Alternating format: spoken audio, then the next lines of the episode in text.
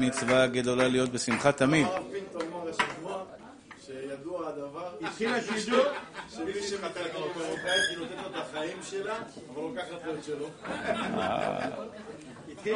טוב, אנחנו התחלנו? לעילוי נשמת חנה הנץ בת חסיבה. מזל טוב לאליהו, להולדת הנכד היקר.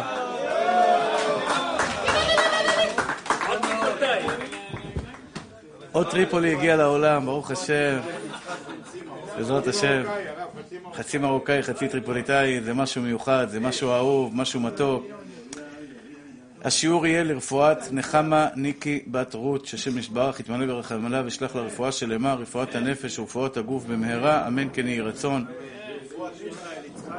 לרפואת מיכאל יצחק בן סימה, רפואה שלמה, ולהצלחת ידידי ואהובי אייל בן נחמה ניקי, שייתן לו הקדוש ברוך הוא ברכה והצלחה בכל מעשי ידיו.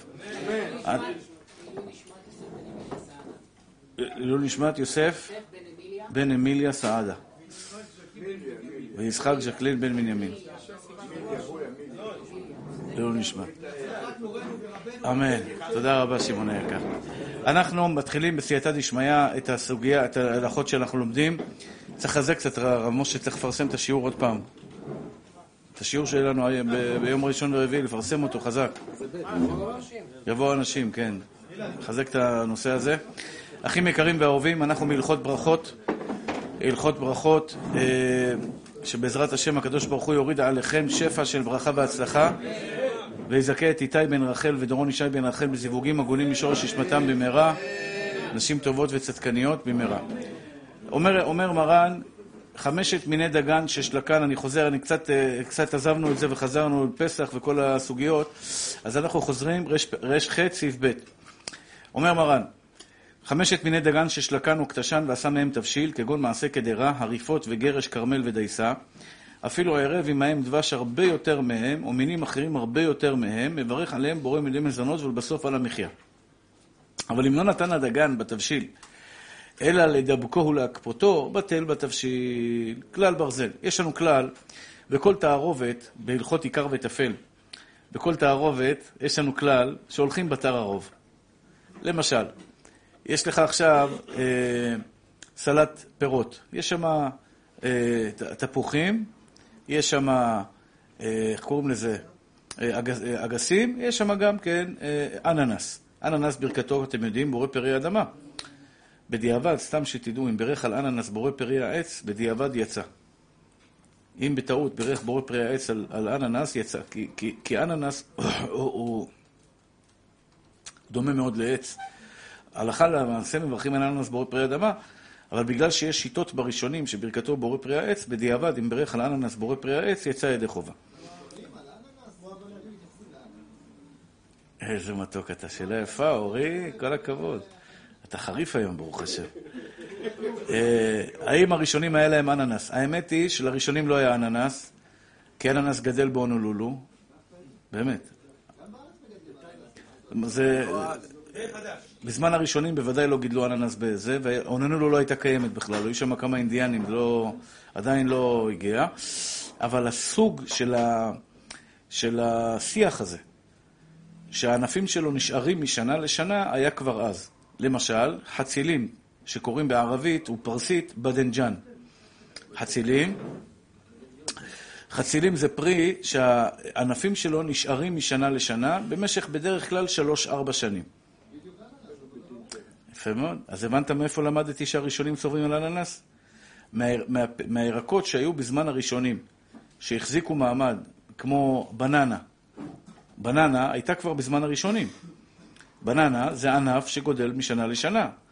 אז הראשונים פסקו, מרן פסק בשולחן ערוך, שמברכים על בננה בורא פרי האדמה.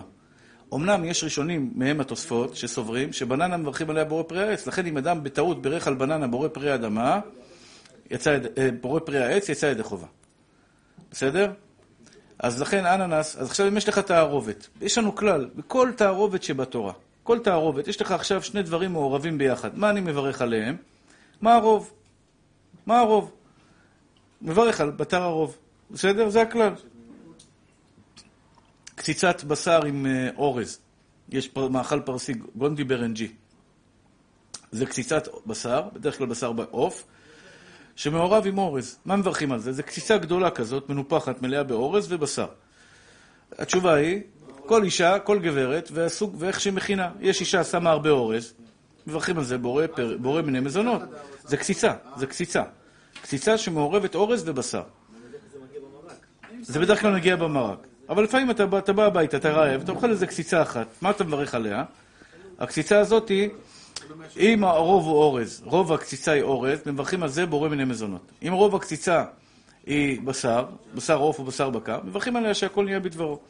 וכן, בכל תערובת שיש לנו, בכל, ה, בכל, בכל המינים, בכל התבשילים, אה, למשל, יש לך את החטיף אנרגיה הזה. החטיף אנרגיה של ה... איך קוראים לזה? של ה... אנרגי, אנרגי הזה. חטיף אנרגיה שמוכרים אותו, אתה יודע, הוא... יש חטיפי אנרגיה, למשל, הרבה פעמים שאני לא יודע מה לברך עליהם. אומר את האמת, אני לא יודע מה לברך עליהם. יש חטיף אנרגיה, יש בו חרובים, יש בו... זה קל, זה אפשר. מה מברכים על זה? בורא פרי אדמה. עץ, מה זה עץ? מה זה, מה זה? הכל פה קשיו ודברים כאלה. אה, הנה, יפה מאוד, אתה רואה? זהו, תביא לי את זה רגע, תביא לי את זה רגע, מחילה.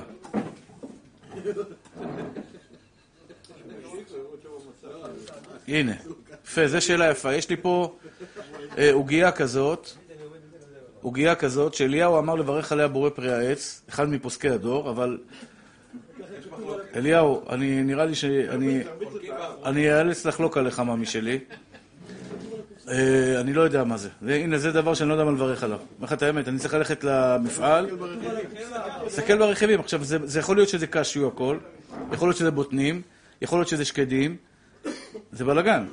דרך אגב, דרך אגב, שאלה יפה באה לפתחנו, יש לי פה כזה דבר עכשיו. אני לא יודע מה מברכים עליו. אני לא יודע מה מברכים עליו. יש פה, יש פה שברי אה, כליות.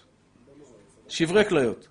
כלומר, יש פה דבר שהוא נראה כמו קשיו, שקדים, שקדים 37 אחוז, זה עץ. שקדים 37 אחוז. מה, עוד? מה אחרי זה, ממי? מה. מה, עוד יש שם?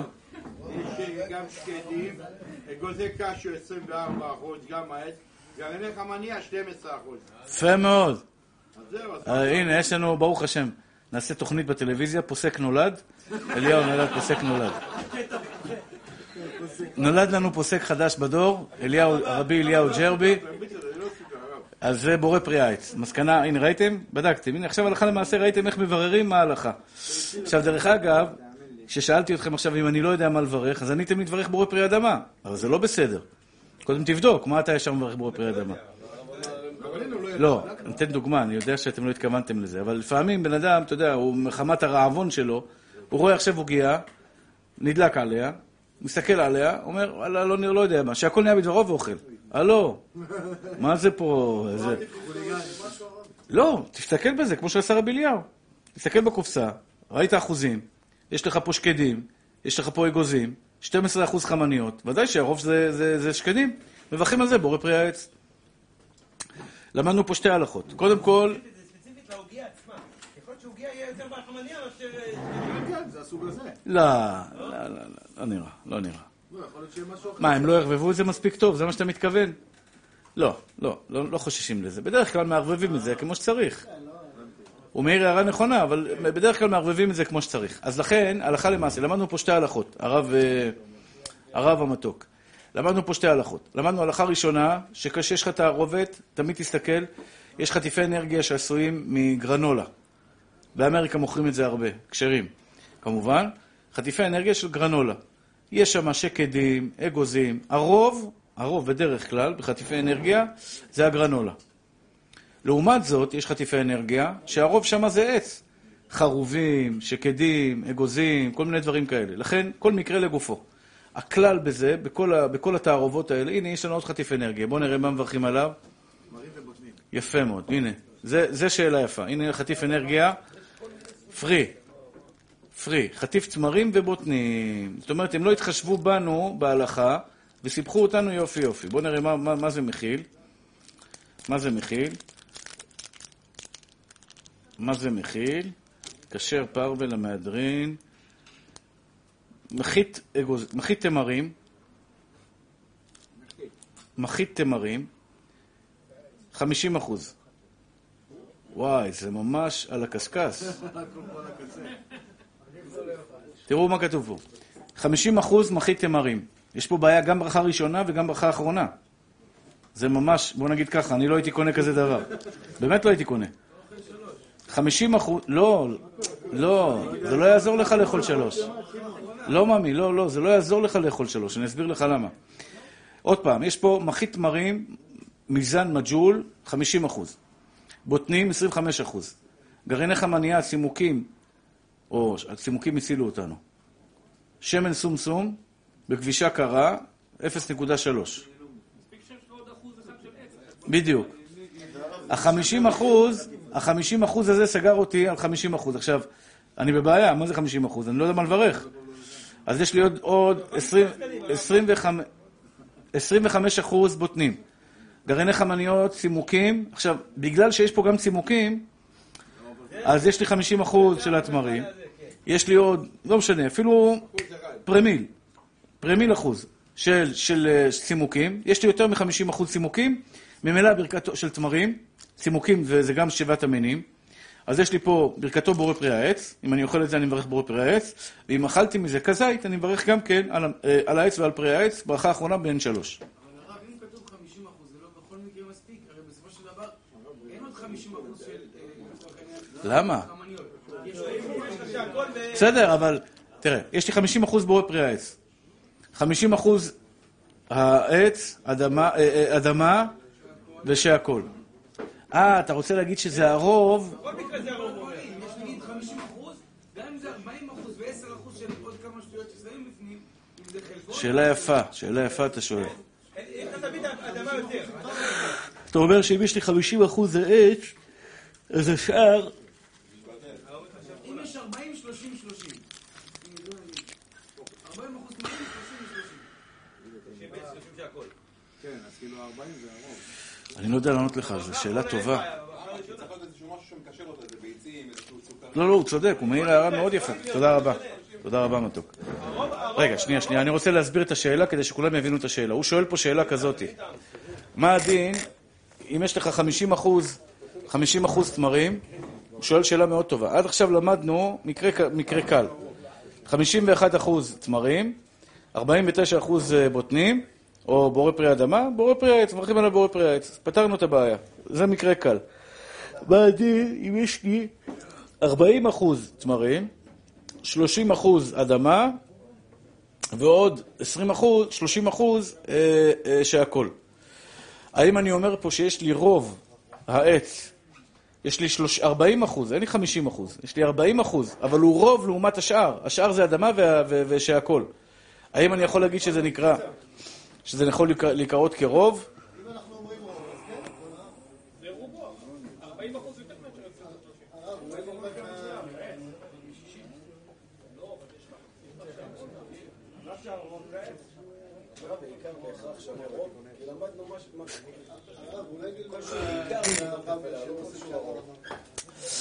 הבמבה של אוסם, אני הסתבכתי איתה קצת ב...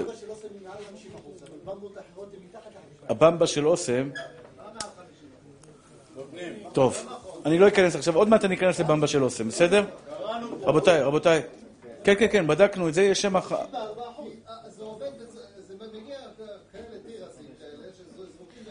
הרב אורי היקר והמתוק, אתה צו... כבודו, כבודו, כבודו אומר דברים יפים, אבל כבודו צריך גם להקשיב. וזה מה שאנחנו בעצם מנסים לעשות ברגע זה. הבאנו לפה במ- במבה, מישהו פה הביא, אני לא זוכר מי, הביא במבה, היה כתוב שם מפורש, 56 או 3 אחוז בוטנים. עכשיו אתה מקשה עליי קושיות? אתה צודק.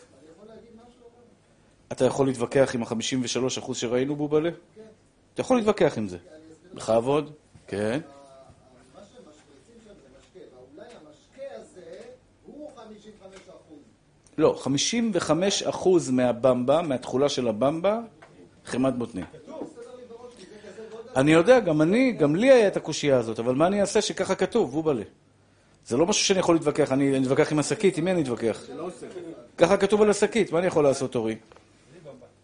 אדרבה, אני אשמח מאוד, אני אשמח מאוד אם תרים טלפון לבמבה, או לר- לרב, לרב של במבה, היה פעם הרב חרל"פ, אני לא יודע אם הוא עדיין הרב של במבה, של אוסם, סליחה, או תתקשר לתינוק של במבה ותשאל אותו כמה אחוז בוטנים יש בבמבה. אני אשמח מאוד, אני גם במבוכה.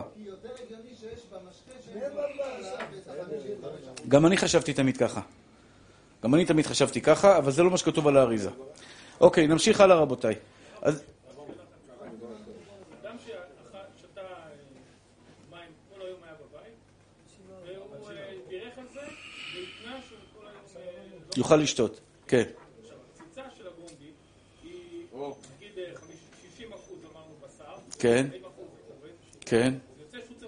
של הכל. אז הוא לא מברך על זה. לא לא כן. כן? אני אמרתי לך, אני יש לי ימים שאני נמצא בבית, מהבוקר ועד הלילה, לומד בבית. לא קורה לי הרבה, אבל יוצא לי כאלה ימים. אני מברך שהכל נהיה בדברו על הנס קפה בבוקר. הנס קפה בבוקר, יושב ללמוד, מגיע ארוחת צהריים, אוכל ארוחת צהריים, את העוף בארוחת צהריים, על סמך, הבר... בלי ברכה, על סמך הברכה של השהכל שבירכתי על הנס קפה. מכוון על כל השעקו, לא רק על שתייה. זאת אומרת, אתה יכול לאכול שלוש ארוחות ביום, על סמך ברכה אחת של שהכל נהיה בדברו. בעיקרון הרב עובדיה סובר שאפשר לברך ברכה אחרונה, שאלה, שאלה מצוינת, אתה יכול לברך ברכה אחרונה ולהמשיך לאכול בלי ברכה. ככה סובר מרן רבנו עובדיה יוסף. למשל ככה, אני עכשיו מברך שהכל ברשותכם ברוך אתה אדוני, אלוהינו מלך העולם שהכל נהיה בדברו. שנייה ממי, ש- יוצא לשירותים זה לא הפסק. אה, איתי בן רחל, יהי רצון שהשם ייתן לך סבלנות, כדי שתהיה, בעזרת השם, שתהיה נשוי ותתרגל לזה שאישה שואלת וגם כן חמשת אלפים פעמים אותה שאלה, ותהיה מוכן לזה. כן, אז ככה, אז אה, שירותים לא נקרא הפסק. אני עכשיו, למשל, בירכתי שהכל נהיה בדברו, אכלתי תפוח. סליחה, בורא פרי העץ, אכלתי תפוח. אני רוצה אבל להמשיך עם הבורא פרי העץ הזה, להמשיך, שילווה אותי בהמשך, שאני אוכל לאכול עוד דברים שהם בורא פרי העץ. אומר מרן רבנו עובדיה יוסף, אתה יכול לברך על התפוח, בורא נפשות, כדי שלא לפספס את הברכה. אתה יודע, כי יש זמן מסוים. יש זמן מסוים. עד מתי אתה יכול? אני למשל במטוס בירכתי, אה, לא יודע, אכלתי קשיו במטוס, בירכתי בורא נפשות בבית. הייתי מעל הים, בירכתי, אוכלתי את הקשיו, ובירכתי עליו בורא נפשות בבית, כי הייתי שבע עדיין. יש לך זמן. לא עבר הזמן, הייתי שבע עדיין. כל עוד אתה מרגיש שבע, אתה יכול לברך. זה הכלל. הבנתם מתוקים? זה קורה הרבה פעמים. אתה לפעמים עכשיו, אה, למשל, הבת שלי שתהיה בריאה, בסעודת שבת, הייתה יפה, אמרה, אבא, אני שמה ראש רגע, אני יושבת על הספה. אמרתי לה, אל תשבי, תירדמי. לא, אני רק יושבת. ישבה, זיט, נרדמה. התעוררה אחרי שעה. מה אני אעשה? מה, את שבעה או לא שבעה? קודם כל תתלי ידיים, נטילת ידיים עם ספל, כמו שצריך, כי ישן שנת... אה, ישן שינה על, על ספה. אז את חייבת. לא משנה. בתוך הסעודה חייבים ליטול ידיים. מי שנרדם בתוך הסעודה, כשהוא קם חייב ליטול ידיים בספל נטילה של בוקר, מה שאתה נוטל בדרך כלל בבוקר. זה חובה על כל בן אדם שנרדם באמצע הסעודה. גם באמצע הלילה, אתה קם, אתה צריך ליטול ידיים. אה, נרדם על- על השולחן? מעיקר הדין לא צריך נטילה. אם נרדם בישיבה, נרדם בישיבה, יש גם אנשים ששינה שלהם בישיבה, זכרו, פשתבח שמו לעד, לא אתה, אתה אומר, אנשים, יש פה אנשים שלפעמים אה, זה, אתה רואה, אני אומר לו, זה צריך ברכות התורה הזה.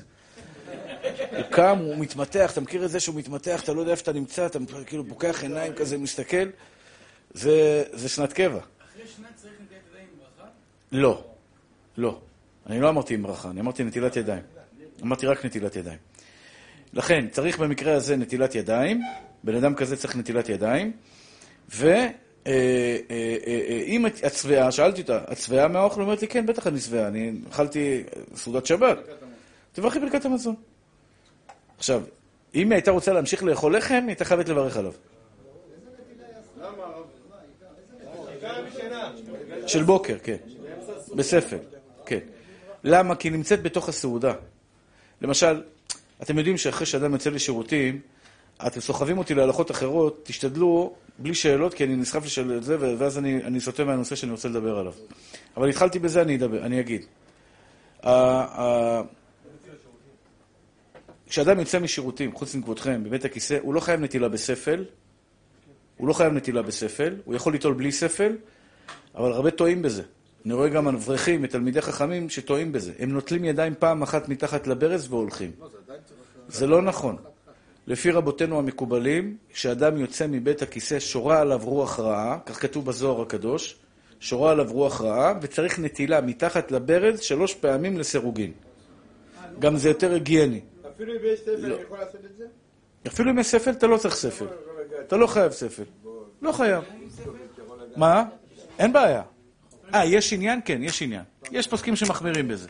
אבל מעיקר הדין לא צריך. אצל הספרדים, אצל האשכנזים מחמירים יותר. אני נוטל בלי ספל. יש לזה כמה סיבות, אני נוטל בלי ספל. כשהגעתי לכיסא רחמים, כיסא רחמים זה ישיבה ספרדית אורגינל. מה שנקרא ישיבה ספרדית, כתוב כיסא רחמים ספרדית. עכשיו הנוהגים כמו רבותינו הספרדים. ובאתי ליטול ידיים, כי הייתי רגיל ליטול, למדתי לפני כן אצל אשכנזים, באתי ליטול ידיים עם ספל, הסתכלו עליי, "מה- מה זה, מאיפה נפלת אתה? לא מצאתי ספל בכלל בשירותים, זה היה הכי מצחיק, אין ספל, הוציאו את הספלים, פה לא צריך, אנחנו לא נוהגים ככה. לפעמים, דרך אגב, זה תלמדו, במיוחד בעלי תשובה צדיקים, בעלי תשובה בהתחלה רוצים להחמיר, רוצים לטרוף את העולם. הם רוצים רוח הקודש, הוא רוצה להיות בבא סאלי, הוא רוצה להיות קדוש. עכשיו, יש להם בריין מאוד חזק, אז הם עושים הרבה חומרות, צריך לדעת. יש הרבה פעמים שאתה עושה חומרה, שזה הכל שורש של גאווה. למשל, אתה רואה אנשים באים ליד הרב מזוז, מתפללים ליד הרב מזוז עם בגדי לבן בשבת. הרב מזוז לא לובש לבן, הוא אחד מגדולי הדור. מה פתאום אתה בא לאחד, ליד אחד מגדולי הדור ואתה עושה חומרה ליד רב שלא מחמיר את החומרה שלך? זה נקרא שאתה מזלזל בו, אתה כביכול מראה לכולם, הרב הזה, אני יותר גדול ממנו. הרב מתכוון מכנסיים. כן, כן. מתכוון שלובשים לבן, לפי הקבלה, לפי רבותינו המקובלים, נוהגים ללבוש לבן. עכשיו, זה טוב, זה הנהגה יפה, אבל איפה שנוהגים ככה, תנהג ככה. איפה שאתה, אם אתה מתכוון בבית כנסת של מקובלים, שכולם לובשים לבן, תבוא עליך ברכת השם. אבל אל תבוא ליד רב בית הכנסת ותלבש לבן, כי זה נראה כאילו אתה מזלזל בכבודו. יש הרבה הלכות, שלמשל הגמרא מספרת על רבי יהודה הנשיא, שפעם אחת הלך איזה מישהו ברחוב ונהג חומרה.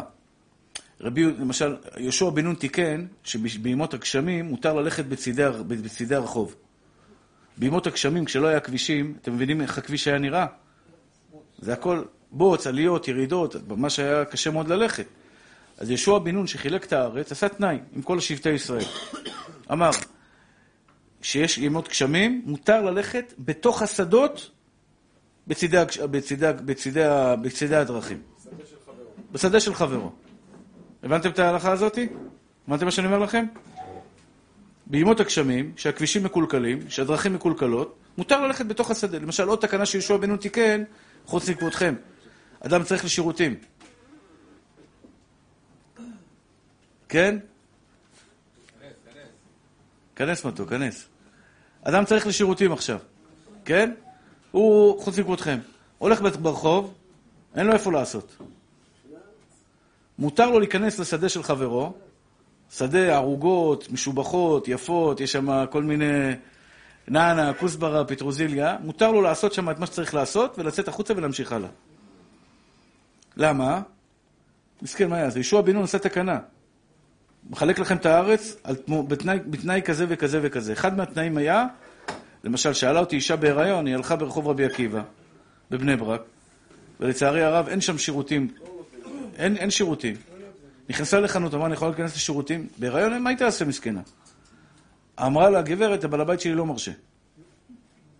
אז היא התקשרה אליי, אמרה לי, הרב, הבעל הבית לא מרשה, אני יכולה... היא מרשה, הבעל הבית לא מרשה. היא יכולה לא להמרות את פיו שי- שייכנס לשירותים, להיכנס לשירותים או לא? אמרתי לה, תיכנסי.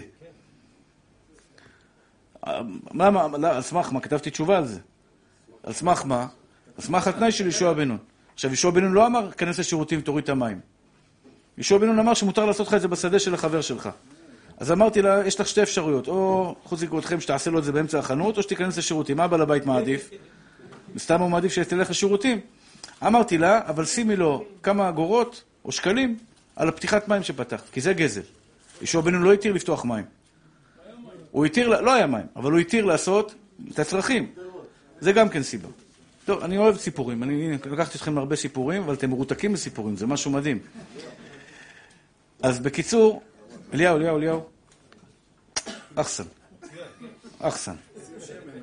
לבריאות, נשמה שלי. שנייה, שנייה, שנייה, שנייה, שנייה. התחלתי סיפור, תן לסיים את הסיפור, ג'ונל. רבי יהודה הנשיא הולך בימות הגשמים.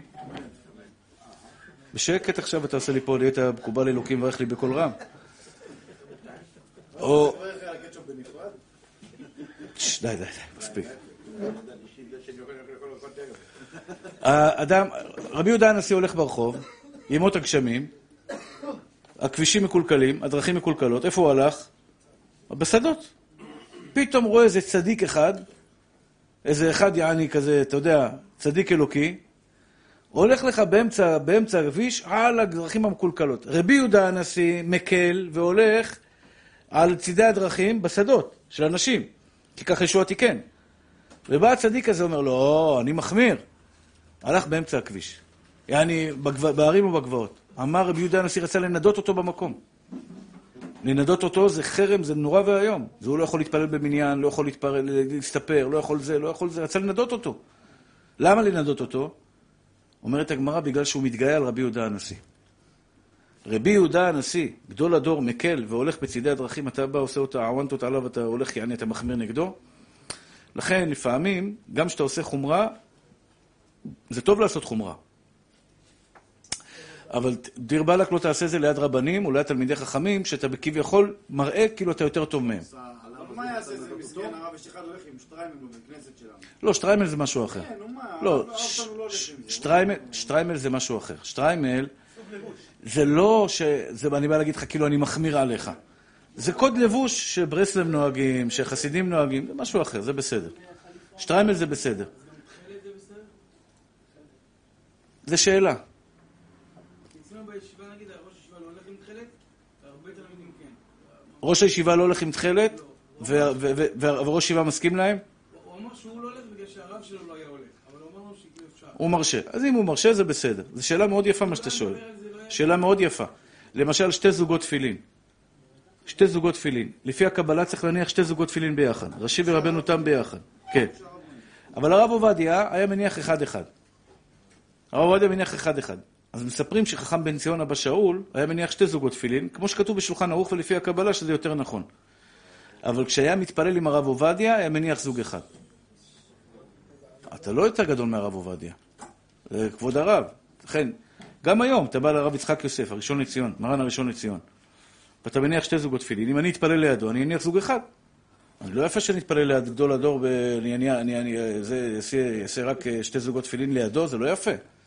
אסור לך לנהוג חומרה, אתה רוצה לנהוג חומרה, תעשה חומרה בבית. זה בסדר. או מכסים, או זה, או שאחרי התפילה תלבש עוד פעם, פעמיים. עוד, פעם תלמד תשתיהם, אתה מבין? העיקר, אתם צריכים להבין שגאווה ומידות זה הלכה לא פחות חשובה מאשר שמירת שבת וברכות וכל הדברים האלה. גם אתה לא מתכוון. אני רואה לפעמים אנשים באים ליד, ליד הרב מזוז, אני רואה אותו שם גרטל בתפילה ליד הרב מזוז. בחור ספרדי, אשכנזי חסידי יכול לשים גרטל ליד הרב מזוז, זה בסדר. כי זה מנהג אבותיו, הוא לא בא להתייער עליו. אתה יודע מה זה גרטל? החוט הזה ששמים על הבטן. החסידים, חגורה שחורה מה שנקרא. החסידים שמים גרטל. החסידים שמים גרטל. אז ככה נהגו אבותיהם, וזה מנהג מאוד יפה. דרך אגב, זה מנהג מאוד יפה. אבל אני, למשל, אני ספרדי, אני, אבותיי לא שמו גרטל, אף אחד לא שם גרטל, פתאום אני אבוא עכשיו, שים גרטל. או, אין בעיה, תשים גרטל. אבל אתה בא, שם גרטל עכשיו, אתה שם גרטל ליד הרב, ליד הרב שלך, ליד תלמיד חכם. במילים אחרות אתה אומר, תשמע, רביי, אתה בערבון מוגבל, אני פה, יש לי פה דרך מאוד מיוחדת וחדשה. לא צריך מותק. אתה רוצה להחמיר? בבית תחמיר, ממי. בבית תחמיר. אותו דבר, אנשים באים אליי בחתונה, באו אליי בחתונה, רב, איך הכשרות פה, בסדר? בחתונה של הבת שלי. אני לא נפגע. זה לא ליצנות, זה לא קיבלו חינוך, זה- אין להם דרך ארץ. הוא יעני יותר צדיק ממני, הוא יודע יותר... לא, חס ושלום. אני לא, עוד פעם, לא נפגעתי, מחלתי להם מחילה גמורה. אבל פעם, מה? כן, כן, זה עניין של חינוך. צריך מזל ליפול על רב נכון, אנשים לא מבינים את זה. זה לא טקט, זה גם טקט, זה גם טקט, זה גם טקט. זה לדעתי חוסר הדרכה נכונה. תראו, אני, אני משתדל להדריך את התלמידים שלי לא רק בהלכות, גם בדרך ארץ. גם לאישה, גם לחברים, גם ללשון הרע, בכל דבר. אדם שאין אין לו דרך ארץ, אה, סתם, תלמיד חכם, שאין בו דעת, ככה אומרת הגמרא, נבלה סרוחה טובה ממנו. אין לו דעת, הוא מתנהג בצורה, חס ושלום, פוגע, מלכלך. נבלה סרוחה טובה ממנו. לא שווה כלום. לא שווה כלום. גם מישהו עשה את זה לרב של... ליד רב שלמה זלמן אוירבך. אני לא נפגע.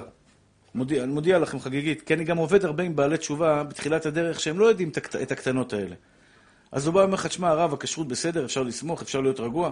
לא, אחי, אני הבאתי לך, מאום אל-פחם הבאתי לך בשר מיוחד. מה יש לך, אתה נשמה? אבל, אבל ברעיון, פעם, פעם מישהו עשה את זה לרב, ליד רב שלמה זלמן אוירבך. עשה את זה, הבא, היה ברית מילה של ראש כולל אחד, בא אחד לראש כולל, אמר לו, כבוד הרב, הפירות פה מאוסרים לכתחילה בצורה מהודרת? אז רב שלמה, רב שלמה זלמן, הוא היה גאון במידות, רב שלמה זלמן אוירבך היה גדול הדור בתורה וגדול הדור במידות. היה אציל נפש. הוא, הוא, הוא, בשבילי הוא מודל... כן, כן, רב שלמה זלמן אוירבך. כן, זה. זה לפני החתונה, לפני שאשתו נפטרה, האשכנזים נוהגים שבאים לבקש סליחה מהנפטר, אז הבנים אמרו לו, אבא, תבקש סליחה מאמא. אני לא מאמין לסיפור שבחיים לא פגעתי בה, אומר לכם את האמת, לא מאמין לסיפור הזה. הוא אמר, אבל מעולם לא... יותר נכון לסיפור השני ששמעתי, שמעולם לא היה מקרה שפגעתי ולא, ולא, ולא ריציתי אותה ולא מחלתי לה, ולכן אין, אין לי על מה לבקש סליחה. אבל זה כל גבר, לא? לא נכון, ממש לא. הלוואי. הלוואי. מה אתה משחק את הגברי? אתה שם בסלון, מה אתה... רגע, שנייה, אני אסיים את הסיפור. כן, גבר גברי. הבן אדם, תודה רבה שלומי היקר, זה מאוד טעים. הרב שלמה זלמן אוירבך, אז הוא ראה איזה ראש כולל, בחור אחד, ראה את הראש כולל, שאל על הכשרות, על התרומות ומעשרות. אמר לו, אתה מחמיר בדרבנן ועברת על איסור דאורייתא. תרומות ומעשרות זה רק מדרבנן. אתה מחמיר בדרבנן. אתה מפחד ליפול בתרומות ומעשרות, אתה בא, מחמיר בדרבנן. אולי, אולי אין פה אפילו... זה גם לא כאילו לא בטוח... הוא לא היה מותר לך לאכול חופשי. אם אני בא אליך הביתה, אם אני אוכל, אה, גם אה, אני בא אצל, בח- בברית מילה של הנכד של אה, שמעון, או בחתונה של אליהו, או בכל, בכל האירועים שלכם. בחתונה של הבן של אליהו, סליחה. בסדר, נו. אין, בברית, אין מה. הרב לא פה במיאמי. יום שישי בפועל. שישי הזה, יש לי חתונה, ממי. יש לי חתונה בדיוק באחת בצהריים. לא. בקיצור, אה, מעולם שאכלתי אצלכם, מעולם, מעולם, לא שאלתי אף אחד מכם איזה כשרות. ולא בגלל שאני לא מחמיר בכשרויות. בגלל שלפי ההלכה, אני מתארח אצל אדם ירא שמיים, שמעון הזמין אותי לברית של החתן, של, ה, של הנכד שלו, אליהו, או מי שהזמין אותי, מי, שהתאר, מי שזכיתי להיות אצלו באירוע, אני לפי ההלכה מותר לי לאכול. כשאני שואל אותך את השאלה הזאת, אני מלבין פניך. אם אני בא אליך ואומר לך, שמעון, האוכל פה כשר, במילים אחרות, אני לא סומך על היראת שמיים שלך, שמעון, הלבנתי פניך. אומר הרב שלמה נזר, עברתי עבר, בן אדם כזה עבר על איסור דאורייתא של הלבנת פנים, בשביל להחמיר בדבר שלפי ההלכה הוא לא צריך להחמיר, כי עד אחד נאמן בייסורים. עד אחד נאמן בייסורים. לא, חשוב לי קודם כל שתבינו את ההלכה הזאת. אתה מתארח אצלי בבית, אוקיי? או אצל אדם ירא שמיים אחר. יש פה, ברוך השם, הרבה הרבה אנשים ירא שמיים. שנייה, ממי, שנייה מתוק, שנייה. לפי ההלכה, אתה ירא שמיים? הגשת לי אוכל? אני, ש... אני מקסימום שואל אותך מה אני מברך על זה, אם אני לא יודע מה אני מברך, מברך, אוכל, בשמיים אני מסודר, גם אם אתה אכל- אכלת, היה שם מאכל אסור, חס ושלום. חס ושלום, חס וחלילה, אני מסודר. אני מסודר. כי אני יכול לסמוך עליך, אתה עד אחד, נאמן בייסורים. הבנת מתוק? לא משפיע? לא משפיע. לפי ההלכה, מותר לי לאכול את זה או אסור לי לאכול את זה? זה מה שקורה, אנשים מבולבלים, לא יודעים הלכות. לא אנשים לא יודעים הלכות. לפי ההלכה, אתה נאמן, אורי, אם אני בא אליך עכשיו, אה, אתה, אתה מארח אותי עכשיו בחתונה של הבנים שלך, ואתה מזמין אותי עכשיו למרק תימני טעים, אני לא אמור לשאול אותך, אני לא צריך לשאול אותך אם המרק הזה כשר או לא כשר. אתה... אה? אני אומר, ברעיון, ברעיון, אתה מבין את הרעיון מתוק שלי? הוא נאמן כשרות אבל. אם הוא ירא שמיים. ירא שמיים. ירא שמיים. אתה ירא שמיים? לא יודע אם אני ירא שמיים, בן, בשבילי אתה ירא שמיים. בשבילי אתה ירא שמיים. אם אתה לא מחשיב, אם אתה לא יודע מה זה ירא שמיים, אני אלמד אותך מה זה ירא שמיים. אתה לא צריך להיות גדול הדור, אתה לא צריך צדיק הדור, אבל אדם שאוכל אוכל כשר עם אישה צנועה יראת השם, שקונה אוכל כשר ופחות או יותר יודעת כשרות המטבח, אני יכול לסמוך עליך במאת האחוזים, לבוא לאכול אצלך, אתה יכול לבוא לאכול אצלי, ואם אני אשאל אותך, אתם לא מכירים אותי, תבדקו אותי אם פעם שאלתי מישהו על כשרות. הרבה פעמים באים ואומרים לי, הרב, זה כשר. אני אומר לו, אתה לא צריך להגיד לי. אתה לא צריך להגיד לי. הבנת? אני סומך עליך. איך היה לי בזה, ברב, שהרב הגיע ל- לסנדק, הרבה סנדק, לפני 14 שנה. כן. נכון, באתי ברגל מבני ברק, נכון? אני זוכר את זה. אמרתי לך, הכל בסדר. רואה, הלכה למעשה. אני לא צריך, כי אם אני אבוא ואגיד לך זה כשר, אני עובר על זה שאני מלבין פניך, יכול להיות שזה לא תיעלב, אבל יכול להיות שכן תיעלב. אני יום אחד הייתי, התארחתי בשבת באמריקה אצל משפחה, כאבה לי, לא יודע, הרגשתי לא טוב, לא יכולתי לאכול את החמין. במנחה הוא בא אליי, אומר לי, לא במנחה, בסעודה עצמה, הוא אומר לי, הרב, היא במטבח בוכה. מה עשיתי? והוא אמר לי, הרב, בגללך היא בוכה. הרב לא סומך על הכשרות שלי, מסכנה, הייתה לה, היה לה רגשי נחיתות כאלה, אישה כזאת קצת עם חוסר ביטחון עצמי. לא אכלתי את החמין, לא יכולתי לאכול. הרב לא סומך על הכשרות שלי, תמיד ידעתי שהוא חושב שאני לא מספיק יראת שמיים, איזה סרט היא נכנסה שם, אה, לך תוציא אותה, רצתי מהר, התחלתי לאכול, השתבח שמו לעד, בעל כורחי. הוא אוכל, הוא אוכל. לא לפגוע בה, לא לפגוע בה. טוב. אני, אני, אני באמת באמת מבקש מכם בכל לשון של בקשה. לפעמים גבר מחמיר על אשתו חומרות, לפעמים האישה לא ברמה הרוחנית של הגבר. לא ברמה הרוחנית של הגבר. הגבר, ברוך השם, מתקדם, והאישה קצת פחות.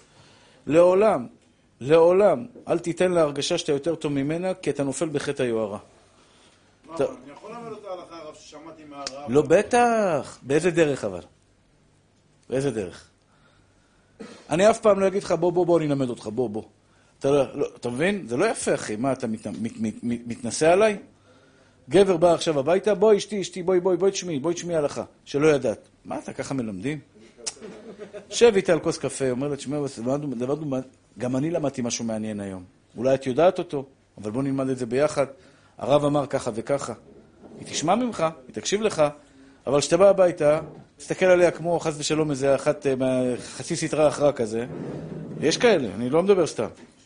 מסתכל עליה כאילו הרבה יותר טוב ממנה, והיא ברמה רוחנית נמוכה, בוא אני אלמד אותך זה, בוא אני אלמד אותך זה. אז יכול להיות שאתה צדיק בהלכות מסוימות, אבל נפלת בחטא הרבה יותר חמור, בזה חטא היוהרה. תיזהרו מזה, אני מזהיר אתכם, אחים יקרים שלי. אל תיפלו בחטא הזה, זה חטא מסריח, תועבת השם כל גבה לב. אל תפגע בבן אדם בחיים שלך. לפעמים אין ברירה. בא לי, בא לי היום סיפור כזה. פתאום נהייתי קשוח. אני רך, אני רך כקנה. כמו שאומרת המשנה, אני משתדל להיות כמו הלל הזקן. לעולם יהיה אדם ענוונתן כהלל ולא קפדן כשמאי. היום היה לי מקרה שאמרתי לו, תשמע אחי, אין עצה ואין תבונה, האדם הוא בקשר עם אישה נשואה. בא אליי, אומר לי הרב, מסכן. הוא אומר לי, תשמע, היא אישה מסכנה, בעלה על הפנים, חולה, והיא, אין לה אף אחד בעולם, ואני רציתי לעזור לה באיזה משהו, נסחפנו ונהיינו בקשר.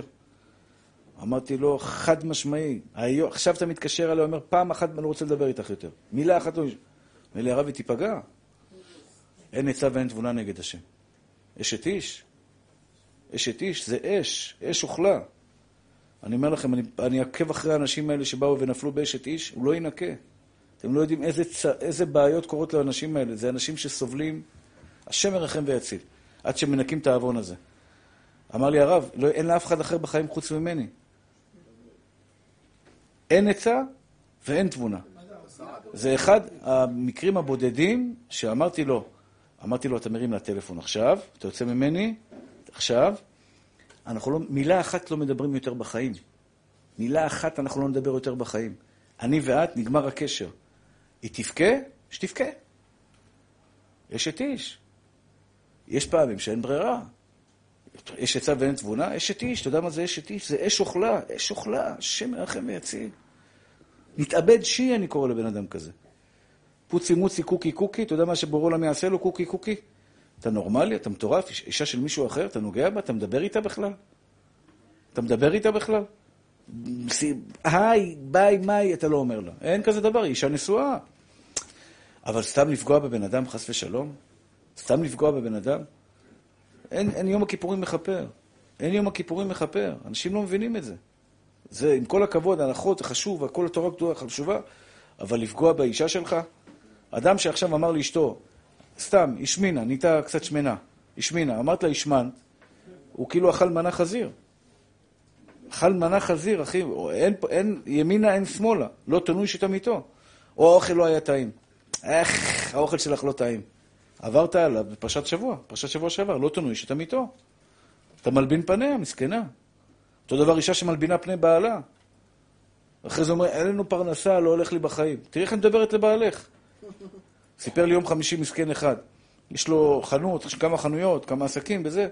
כל פעם היא רבה איתו, מלביש, שתיפול בעסקים שלך אם מקללת אותו. יאללה, מה זה האישה הזאת? מה זה הדבר הזה? ככה את מקללת את בעלך? איפה השכל שלך? הוא מביא לך את האוכל הביתה. הבגדים שלך זה מהעסק שלו. האוכל שלך זה מהעסק שלו. מקללת אותו. האישה הזאת היא עוברת כל יום על לווים מהתורה. היא חושבת, יאללה, אז רבתי איתו. מה זה רב? יש מחיר לזה, מה המילה שלי?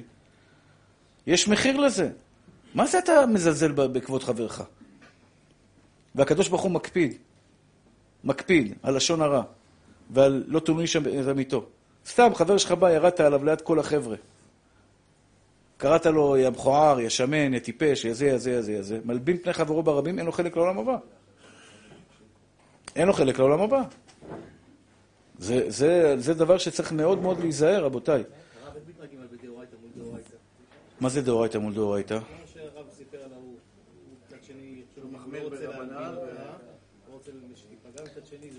באשת איש? אין בזה משחקים. לא, זה כלליות, איך אתה יודע? בכלליות, עוד פעם, תמיד, תמיד להשתדל בדרכי נוער. גם הוא לא צריך לקלל אותה ולצעוק על האשת איש הזאת. הוא עשה טעות חמורה, אני מקווה שהשם ירחם עליו ויסלח לו על זה, יסלח לו על זה אם הוא יעשה תשובה אמיתית. אם הוא יעשה מה שאמרתי לו, השם יסלח לו על זה. אם לא, הוא בצרה צרורה. שניהם. מה יש בדיבור? זה מוביל לביאה. מה יש בדיבור? אתה רוצה להדליק אותי, שמעון המתוק שלי? לא דיבור בטלפון. מה זה בטלפון? לא.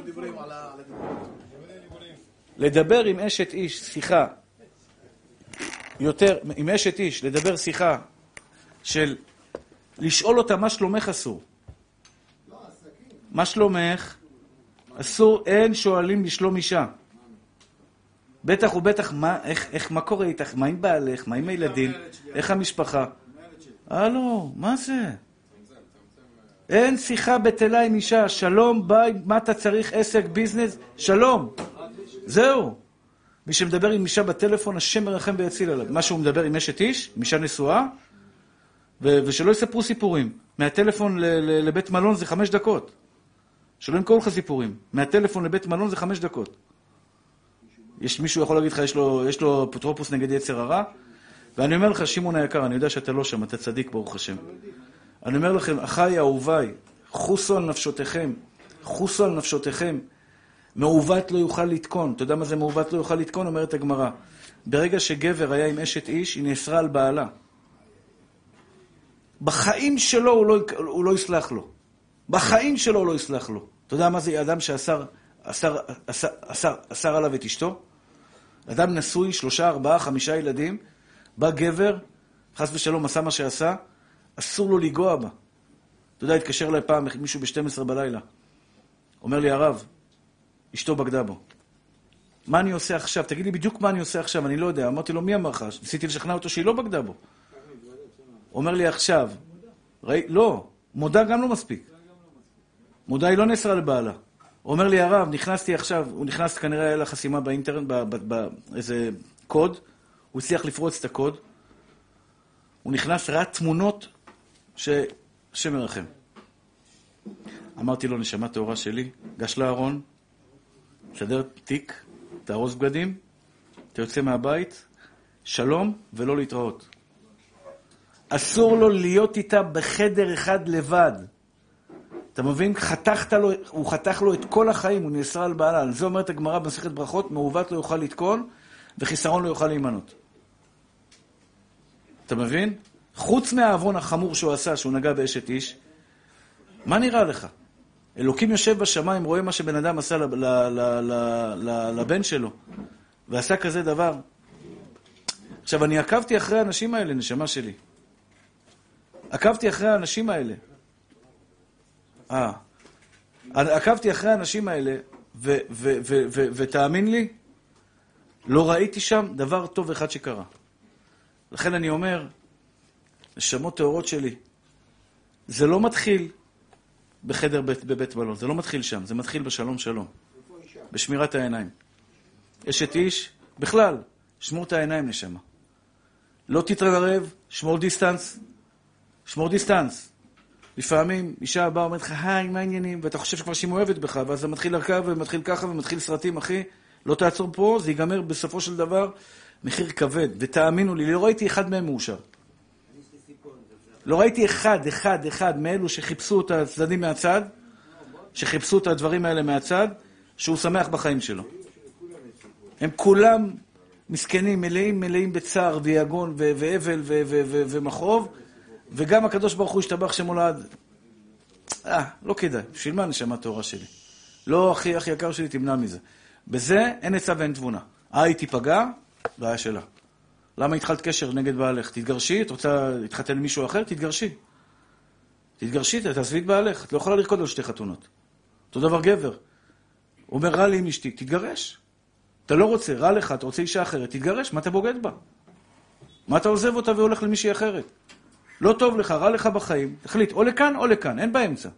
וכל אלו שעושים את זה, אני אומר לך, נשמה טהורה שלי, אני לא מדבר איתכם עכשיו על גן, ג, ג, עולם הבא, בעולם, בעולם הזה. אין להם לא טעם ולא ריח בחיים שלהם. רגע אחד של עונג אין להם. רגע אחד של אושר בחיים, אין. הוא מסתכל במראה, הוא שונא את עצמו. לכן, לכן, רבותיי היקרים, אנחנו, זה תקופה של קיץ, הולכים, יש כאלה, לצערי הרב, הולכים למקומות לא צנועים. אח יקר שלי ואהוב שלי, שומר נפשו ירחק, שמור על העיניים, בתקופה הזאת במיוחד, שמירת העיניים. מי שלא שומר על העיניים שלו, אני נותן לכם עצה של אוהב. הוא בן אדם רעב. על זה אמר שלמה המלך, צדיק אוכל לשובע נפשו ובטן רשעים תחסר. אשתך היא האישה היחידה בעולם שמותר לך ליהנות ממנה. תהנה מאשתך. תאמינו לי. אני מסתכל על אשתי אחרי שאני יום שלם בכל אל אברכים. בעיניי הדבר הכי יפה בעולם. כל היום אני רואה זקן וקרס. זקן וקצת קרס. לא כולם עם קרס, אבל יש כאלה חמודים כאלה, הגלגלים מתוקים. זה מה שאני רואה כל היום. אני בא, פותח את הדלת בשעה שש בצהר, בצהריים, אני רואה את אשתי היחידה, הראשונה שראיתי היום בלי זקן. איזה יפה היא. הכי יפה בעולם. באמת, כמו חווה. זה או פרה או חווה, אין לך משהו אחר. חווה, לאדם הראשון לא היה אלטרנטיבה. מה האלטרנטיבה הייתה? או פרה או חווה, זה מה שהיה לו בעולם. אותו דבר, יש לך את אשתך נשמה שלי.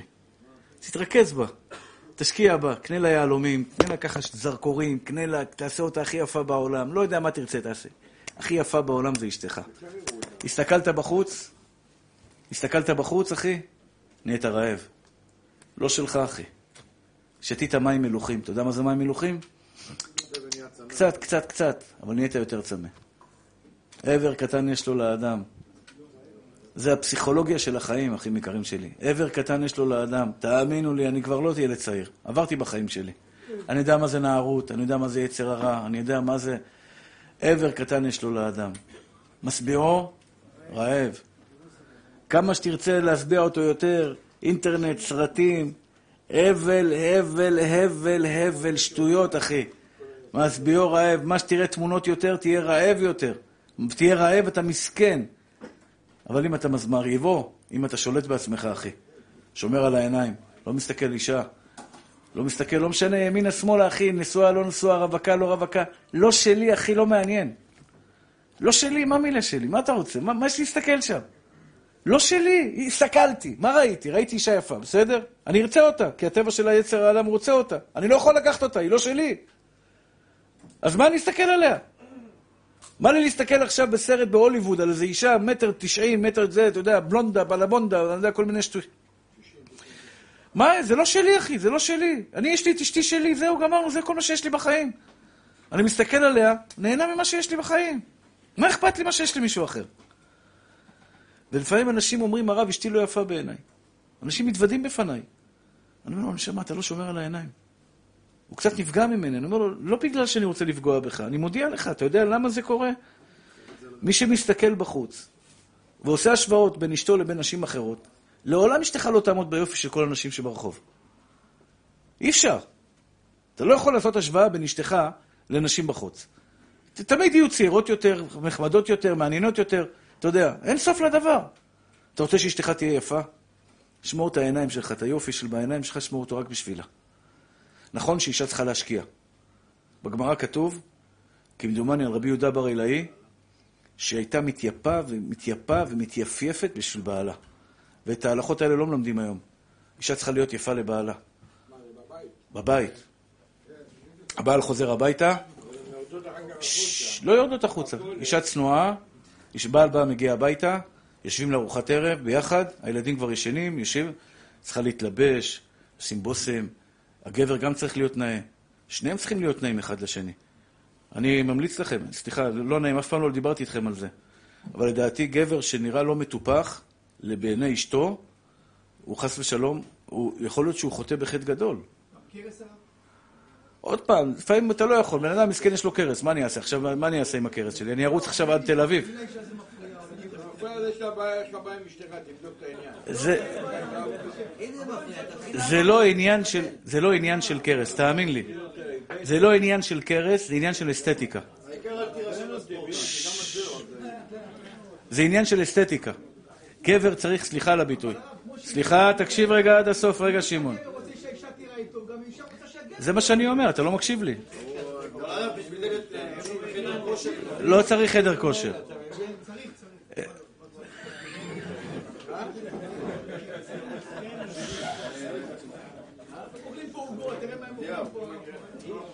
רגע, רגע, מותק, רגע, שנייה אחת, שנייה אחת. נגעתי בנקודה חשובה, אני, אני באמת לא יודע איך סחבתם אותי לסוגיות האלה בכלל, אני בכלל התחלתי בהלכות ברכות, איפה הגענו? אבל שנייה, שנייה, שנייה. אני מבקש מכם. לא, לא, לא, לא, לא, זו נקודה מאוד חשובה, אני מבקש מכם. כיוון שאני מדבר, אני מדבר כרגע, אני מדבר כרגע אליכם בתור גברים, אני גם מדבר, כי יש גם באינטרנט, חשוב מאוד שתדעו. גבר צריך להריח טוב. לקנות בושם, עולה מה, זה 50 שקל, 100 שקל, כמובן להתקלח. יש גברים, משתבח שמו לעד. אמרה לי אישה, סליחה, סליחה לזה, ניסיתי לעשות שלום בית ביניהם. אומרת לי, הרב, מחילה מכבודכם, אני, אני לא רוצה להגיד מה הוא אוכל, אתם תבינו לבד. הוא אוכל מאכלים ש-30 שנה אחרי זה נשאר ריח בשירותים. אתה מכיר את זה? אתה נכנס לשירותים, אתה מריח את הריח. כל אחד יודע בדיוק מה אני מדבר, אני לא רוצה לפגוע. הוא אוכל כל היום, כל היום שום, בצל וכל מיני תבשילים ו- ומאכלים כאלה, שהיא אומרת, אני לא יכול לנשום, להריח אותו. אני לא יכול להריח אותו. והוא לא מתקלח. סליחה, הוא לא מתקלח. רבותיי, הגבר הזה, הגבר הזה, הגבר הזה, לצערי הרב, הוא, הוא, הוא, הוא חוטא בחטא ואהבת לרעך כמוך. זה לא בסדר. המלצה טובה, באמת. גבר צריך להיות אסתטי לבעלו, לאשתו. אני לא, לא גידלתי זקן עד שאשתי לא אמרה לי, לך על זה. לך על זה. גדל זקן, אם אתה מגדל זקן ואשתך אומרת לך, או, זה מגעיל אותי, זה לא בסדר. אתה לא יכול להיות צדיק על חשבון אשתך. אתה צריך להיות נקי, אסתטי. אני חושב שכל גבר צריך שיהיה לו בושם שאשתו אוהבת. פעם הייתי עם איזה חבר, אשתו, היה פעם בושם עזרו. המבוגרים זוכרים אותו. עזרו. אז אשתו אמרה לו, אשתו אמרה לו, וואי, אתה זוכר שהיינו פעם, כשהיינו צעירים, היה לך בושם עזרו, איך אני אוהב את הבושם הזה? אני הלכתי, קניתי לו את הבושם הזה. הייתי בחנות סמים, ראיתי בושם עזרו, קניתי לו מתנה. מה זה אשתו הייתה מבסוטית, עשיתי שלום בין גבר לאשתו. ישר הלך סם, פתאום נכנס הביתה עם בושם עזרו. אומרת לו, אשתו, וואו, אז הייתי מבסוט, עשיתי שלום בין איש לאשתו. בושם, האישה אוהבת בושם, זה נעים. אדם צריך להיות נקי כדי שיהיה אווירה טובה בבית. אני אומר לכם, אם יש רומנטיקה, סליחה על הביטוי. אנשים חושבים שחרדים לא רומנטיקנים. החרדים, מי, שחר... מי שירא השם אלוק... ירא, ירא, ירא, ירא אלוקים אמיתי, הוא רומנטיקן מספר אחד. רומנטיקן מספר אחד. כל הזמן מתנות, כל הזמן הפתעות, כל הזמן שומר על אסתטיקה, שומר על ריח טוב, ריח בפה. אני לא אוכל סחוג בארוחת ערב. שלא יהיה לי ריח בפה. אני אוכל בצהריים, עד בצהריים, או שאני מצחצח שיניים, עובר. אבל סחוג, אני אוהב סחוג. יש פה הרבה שום, הרבה טעמים, שלפעמים האישה לא נעים להם הריח הזה. שמור על היגיינה, ממי. תבוא עם ריח טוב בפה. אתה לא יכול לאכול שום בצל בארוחת ערב ולבוא אחרי זה אשתך, מסכנה, מתעלפת מה, מה, מה, מהריח הזה. אדם צריך לשמור על אסתטיקה, זה כתוב בתורה מפורש. איפה זה כתוב? ואהבת לרעך כמוך. חוץ נקרותכם. שמעון, אתה אל תשים בושם. אז מה אתה שואל שאלות? אתה רוצה, מותר לשים בושם היום. אני אמרתי, לא בושם עכשיו תלך ברחוב, תשים שבע קילו עזרו ותלך לרחוב וזה. אתה בא הביתה, אתה יושב עם אשתך לארוחת ערב, שים בושם קצת, שים ריח נעים, אסתטיקה, שיהיה לך ריח נעים. אותו דבר, לא?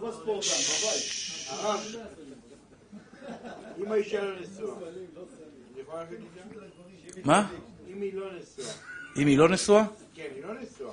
מה זה קשור? אסור לך ללכת עם אישה. כל עוד... מה העבירה? מה העונש של דבר כזה? אישה לא נשואה היא בחזקת נידה, זה איסור חמור ביותר. לפני כן. אליהו, אל תהיה לי סנגור של אה, עכשיו... אה. אסור, אישה לא נשואה, אישה לא נשואה, אסור לגבר להיות איתה, מה השאלה בכלל? זה זנות, בעילת זנות. אישה לא נשואה. מה פתחת עכשיו, שבבית שאלון ל...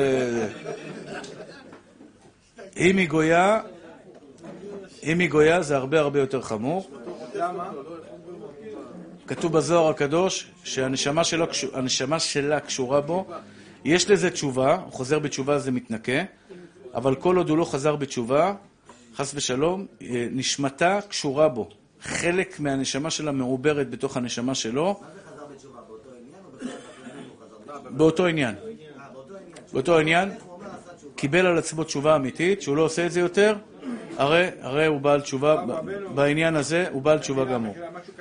שנייה, הבחורצ'יק הצדיק מחכה שם הרבה זמן, כן. איך אפשר לא ליפול לזה? נשמה טהורה שלי. קודם כל שמירת העיניים. הוא שואל איך אפשר לא ליפול לזה. לא. בשש בש יש כלל. נגעת? מכיר את הכלל הזה? נגעת בקובייה, נגעת ב... לא יודע איך קוראים לזה, בעגול, הדבר העגול הזה, בחייל, נגעת בחייל, אתה לא יכול לחשוב לחייל אחר. נגעת, נסעת. עיניים, ראית, נפלת. כשגבר לא שומר על העיניים שלו ומסתכל במקומות שהוא לא אמור להסתכל, בסופו של דבר הוא לא יחזיק מעמד. אני גם חי היום, נשמה שלי, אני יודע, מתוק שלי. אתה צודק. אתה צודק במאת האחוזים. אבל השם שם אותך בניסיון, תהיה מספיק גבר לעמוד בו. הבנת, מתוק? אני לא אומר לסגור עיניים, ללכת עם עיניים עצומות, אבל אל תתרכז בשום אישה שהיא לא שלך. תרכז באשתך. העברת מבט לא קרה כלום, תמשיך הלאה, נקסט. אסור להתבונן. אבל היצר של כל אחד הוא שונה, מאוד. היום, אני יודע, בכלל, אם אני יודע. אני יודע, ואני מודיע לך. אתה יודע מתי החיים שלי נהיו הרבה יותר קלים? תראה, היו לי שני שלבים בחיים. שלב ראשון, אמרתי, זה אסור, זה אסור, זה אסור, זה אסור, זה אסור, זה אסור, וככל שאמרת זה אסור, רציתי את זה יותר. הבנת? רגע. באיזשהו שלב בחיים הפכתי קלטת. זה לא מעניין אותי. זה לא שלי, לא רוצה להיות שם, אחי. יש לי את החיים שלי. זה כמו סם. שים לי עכשיו פה סמים, חס ושלום. איזה סוג, ש- הכי טעים, הכי יקר בעולם. הכי יקר בעולם. אני אצחק עליך. אני יודע שזה עושה טוב. לא. אני יודע שזה עושה טוב. לא. לא משנה, אני יודע שזה עושה טוב. אני יודע שאני אני ארגיש באותו רגע קרוב לאלוקים. אני יודע, אמרו לי את זה. אני שאלתי פעם מישהו, מה יש לך אתה? מה אתה נוגע בד, ב, ב, ב, בדבר הזה? הוא אומר לי, הרב, אתה לא, אף פעם לא טעמת, אתה לא יודע מה זה. אני יודע. אני לא טיפש. אבל אני יודע שזה רעל. שזה משהו שקר. שקר, אחי. מה שאשתי זה אמת, בבית שלי זה האמת. מה שיש לי בבית זה האהבה שיש לי. אם אני אהנה ממנה, אני יודע, אם אני עכשיו אסתכל על אותה גברת, או באינטרנט, על כל הרעלים שיש שם, על כל הדברים הלא טובים שיש שם, אח יקר שלי, אני אשלם על זה מחיר שאני אסתכל על אשתי ואני לא אראה את היופי שאני רואה היום. את מה שיש לי אני אאבד. על מה אני אאבד אותו? על משהו שהוא לא שלי בכלל. נהיה לו יותר קל בחיים. זה לא רק שזה אסור, אחי. לא שווה לך להיות במקום הזה. אדם רעב הוא בן אדם מסכן. אתה יודע מה זה בן אדם מסכן? כמו, להבדיל, כמו סוס שרואה סוסה. אין לו, אין לו הרבה שכל, הוא כמו סוס. אל תהיו כסוס כפר ידי נבין. מה אתה רודף אחרי זה? תשלוט, אחי, שלוט, אני יודע מה אני חייב. זה אני לא צריך. לא חייב להיות שם, אחי. אין לזה סוף, נשמה טהורה, שמי שלא שומר עליי, מפול גם באשת איש ובגויה. למה, אתה יודע על מה אתה מסתכל? אתה יודע אם אשת איש או לא? עוברת אישה יפה עכשיו ברחוב. באה אליך בתור לקוחה, מדברת איתך בחנות, היי, מה העניינים? והיא באה אליך בדיוק, בת... אתה יודע, עכשיו, לכל אחד יש, יש יופי מסוים שהוא אוהב. יש אחד אומר לי, הרב, לא, לא עושה לי את זה, אני לא מתלהב. אני, מועד נשים, הכל בסדר. אמרתי לו, חכה, יום אחד הקדוש ברוך הוא יביא לך את היופי שאתה אוהב. היצר הרע יביא לך את זה. לכל אחד מכם יש איזה יופי בעולם שהוא אוהב. אחד אוהב כהה, אחד אוהב נמוכה, אחד אוהב, אחד אוהב שמנה, אחד אוהב רזה, אחד אוהב ככה, אחד אוהב ככה, אחד עיניים כחולות, עיניים שחורות, אחד, אחד, כל אחד אוהב משהו אחר. אתה אומר, אני לא, שומע, אני לא, אני בסדר, אומר לך, פעם אחת יצרה יביא לך אותה. הגמרא מספרת את זה על תנאים ואמוראים. על תנאים ואמוראים, מתיה בן חרש, וכל מיני סיפורים. הוא ראה אותה על גבי עץ, הוא קפץ עליה. מרוב היצר הרע שהיה לו, רב עמרם חסידה, עם הסולם. צעק נורה בעמרם, נורה בעמרם. צריכים לצעוק אש בבית עמרם. הוא לא יכול היה לעמוד בפני היופי שלה. כנראה שהקדוש ברוך הוא, השטן, הביא לו יצר הרע של יופי כל כך כל כך מסוים, שהוא לא יכול היה לעמוד בפיתוי הזה. לכן, אין אפוטרופוס, אחי. שאלת אותי שאלה נשמה שלי, הכל מתחיל לך בעיניים. הברית, שמירת הברית ושמירת העיניים זה אחד. זה גם בפה.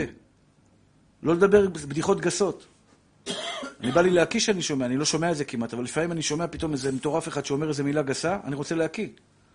מילה גסה, רבי נחמן מברסלב אומר, הברית, הפה, העיניים והברית זה אחד. מי שמדבר מילים גסות, תדע לך שהוא נופל באריות. הוא נופל או בברית או באריות, או במה שהוא נופל. כי הוא לא יכול להיות עם פה טמא וגוף קדוש. מה זה אריות? נשים. אשת איש, גויה, רווקה, שנידה, איסורים חמורים. טוב, וגם האישה, האישה צריכה להיות יפה לבעלה. באמת.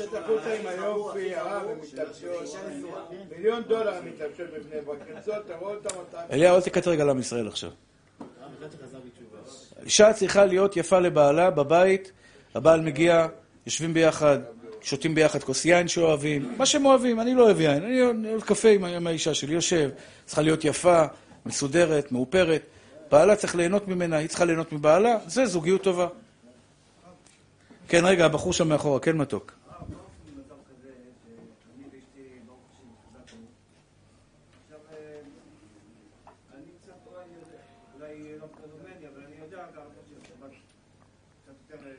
יותר ממנה, כן.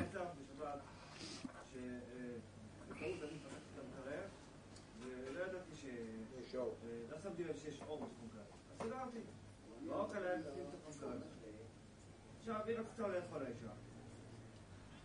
והיא גם התחזקה בשמירת שבת ואחרון. אמרתי לה, תשמעי, אסור להוציא את האוכל, כי את מתחת למזבח האור. מה עושים במצב כזה? קוראים לגוי, הוא שואל שאלה, האור במקרר היה דולק, מה עושים עם זה? התשובה היא, פותחים את המקרר על על ידי גוי, קוראים לגוי שיפתח את המקרר, תמצא גוי.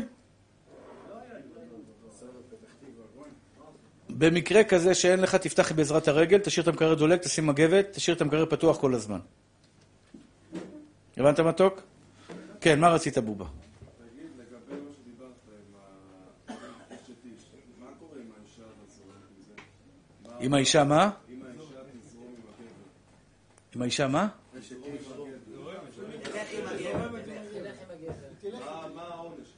מה זה האישה? מה זה האישה זורמת? לא- לא-. מה זה קשור? מה זה קשור שהיא רוצה? השם ירחם. מה העוון? עוון חמור, נשמה שלי. בוא נגיד ככה, אחד העוונות החמורים ביותר בעיני הקדוש ברוך הוא, בעיני הקדוש ברוך הוא, זה אשת איש. אני לא מתכוון להפחיד, שתבינו, אני בא במקום הכי אוהב שבעולם. לא נוגעים בזה. מי שנוגע בזה הוא מטורף, הוא משוגע, הוא בורא עולם התנקם בו וחבל, חרם עליו. גם לו וגם לה. יש לזה מחיר. אני לא רוצה להפחיד אותך, אחי. אבל אני אגיד לך סיפור קטן. לא, אני יודע, אתה צדיק, נשמה שלי. אני, אני אומר לך, בא אליי אברך. לא אברך. בטח, בטח. אני לא רוצה להפחיד אותך, אני אגיד לך סיפור קטן, ממש קטן. בן אדם לפני 20 שנה, הוא היום נשוי עם, עם שמונה ילדים. אין לו רגע אחד של שלווה בחיים שלו. פרנסה, אין לו כלום, הכל הלך לו על הפנים. פעם אחת הוא ישב אותי, אומר לי, הרב, מה אלוקים רוצה ממני? אומר לו, אתה שואל אותי? שאל את עצמך. מה עשית שאלוקים עושה לך ככה? אומר לי, וואלה, מה כבר עשיתי? מה? ככה וככה, ושלום בית, ובעיות, ובעיות. אני אומר לך, אין לו רגע של שקט. רגע של שקט. עובד כמו חמור, מצאת החמה ועד צאת הנשמה. כל ההיריון של הילדים שלו היא בבית חולים רוב ההיריון. משהו, צרות רבות סבבו. כשהוא היה רווק, הוא סיפר לי פעם אחת, הוא אומר לי, הרב, אולי זה הסיפור. כשהוא היה רווק, הוא הכיר בחורה. הוא לא היה כל כך דתי. הוא הכיר בחורה. היא שיקרה עליו. היא אמר לו שהיא גרושה. בסוף התברר שהיא לא הייתה גרושה. היום מבקשים תעודת זהות. גרושה, תראי לי, אני רוצה עוד גרושה בתעודת זהות. הוא לא ביקש. בסוף התברר שהיא פשוט מאוד הייתה פרודה מבעלה. פעם אחת הוא היה איתה. עד שהוא גילה את זה, והחיים שלו... תאמין לי, אתה לא מקנא בבן אדם הזה. חזר בתשובה על מלא, אז שלחתי אותו לעשות תיקון. תיקון של אשת איש, זה 24 שעות תענית. טבילה במקווה, מלכות, את כל הגלגולים שלפי הקבלה היה צריך לעשות, לשלם צדקה. ברוך השם, מאז שהוא עשה את התיקון, החיים שלו קצת השתפרו. זה לא משנה מה מילה. הוא לא אדם שהכניס יד לאש בלי כוונה, עדיין. הוא יישרף או לא יישרף? אשת איש, אחי. אשת איש, לא משחקים בזה. בכלל, כל הנושא הזה, כל הסוגיה הזאת, גם פג- פגם הברית. אנשים פוגמים בברית, אומרים אין לי פרנסה. פגם הברית, אדם שמוציא זרע לבטלה. כל מזלו, כל מזלו, הוא זורק אותו לאבדון. אני אסביר לך מה קורה, אני אסביר לך את זה במילים עדינות. כשאדם מוציא זרע לבטלה, בזרע של גבר יש נשמות. אם תכניס זרע של גבר למיקרוסקופ, אתה תראה שהזרע הזה זז, הוא חי, יש שם תאים חיים. תאים חיים. כשאדם מוציא את זה שלא לצורך, הנשמות האלה לא הולכות למקום שלהם, איפה שהם אמורים ללכת. כל הנשמות שנמצאות אצל הזרע, הן הולכות לכוחה, לקליפת נוגה, לסטרה אחרא. הסטרה אחרא משתלטת על נשמות יהודיות שהיו אמורים להיות הבנים שלך. משתלטת עליהם. מלבישה עליהם גופות של סטרה אחרא. בעצם גרמת שהנשמות הטהורות שאלוקים טבע בתוך הגוף שלך פנימה, שהיו אמורות ללכת למקום של קדושה ולהביא ילדים לעולם, הולכים למקום הטמא ביותר, והנשמות האלה נמצאות בבית הסוהר אצל הסטרה אחרא. רק דבר אחד הן עושות שם. רק דבר אחד. שתדעו, סתם ככה, שתבינו מה קורה שם. מקללות את מי שאשם במצב הזה. לכן כשאדם נפטר בירושלים, הילדים שלו, גבר, לא, אישה כן יכולה, כן לזה. גם פתח תקווה. גם מי שנוהג מנהג ירושלים. פתח תקווה נוהגים כמנהג ירושלים. בפתח תקווה ובירושלים ובטבריה ואולי עוד כמה ערים, לא הולכים אחרי מיתת האבא. האבא מלווים את הלוויה, בלוויה את, ה, את הגבר, הילדים לא הולכים אחריו. למה? כי באותו רגע שהילדים הולכים אחריו, כל הנשמות שיצאו ממנו לבטלה, במשך כל ימי חייו, עומדים ומקללים את מי? את הילדים. אה, למה הם מקללים אותם? הם מקנאים בהם. כי אתכם אבא האכיל. אתכם אבא פרנס. לכם אבא דאג, ולנו הוא לא דאג. אתה מבין איזה נזק קורה שבן אדם עושה כזה דבר? של זרע לבטלה? זה פוגע לו בברכה, בשפע של הפרנסה שלו, ברמה הכי גבוהה שאפשר. יש תיקון לזה, מה התיקון לזה? אז קודם כל, התיקון הכי גדול זה לחזור בתשובה. התיקון הכי גדול של זה זה קריאת שמע על המיטה בכוונה. הנה מיתתו של איש שלמה, 60 גיבורים סבלה מגיבורי ישראל, כולם אחוז החרב, מלומדי מלחמה. איש חרבו על ירחו מפחד בלילות.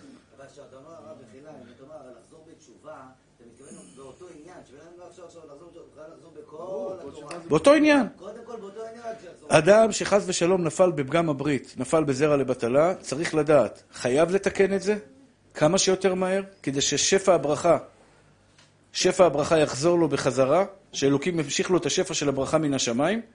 השפע של הברכה הזה תלוי, כמו שאמרתי, בקריאת שמע על המיטה, שזה תיקון גדול מאוד, תיקון הברית, תיקון, ה, תיקון היסוד. צריך להשתדל מאוד מאוד מאוד בקריאת שמע על המיטה לקרוא קריאת שמע כהלכתה. גם במזיד... תשמעו את כל ה... כן, כן, הזה. העיקר זה שמע ישראל, אדוני אלוהינו, אדוני אחד. גם לא במזיד צריך... אה, הרב, גם קרי לילה נחשב זרע לבטלה? על זה לא צריך לחזור, בעיקרון לא צריך לחזור. הרב קרי לילה גם נחשב זרע לבטלה? אם זה לא באשמתו, זה לא לא תלוי.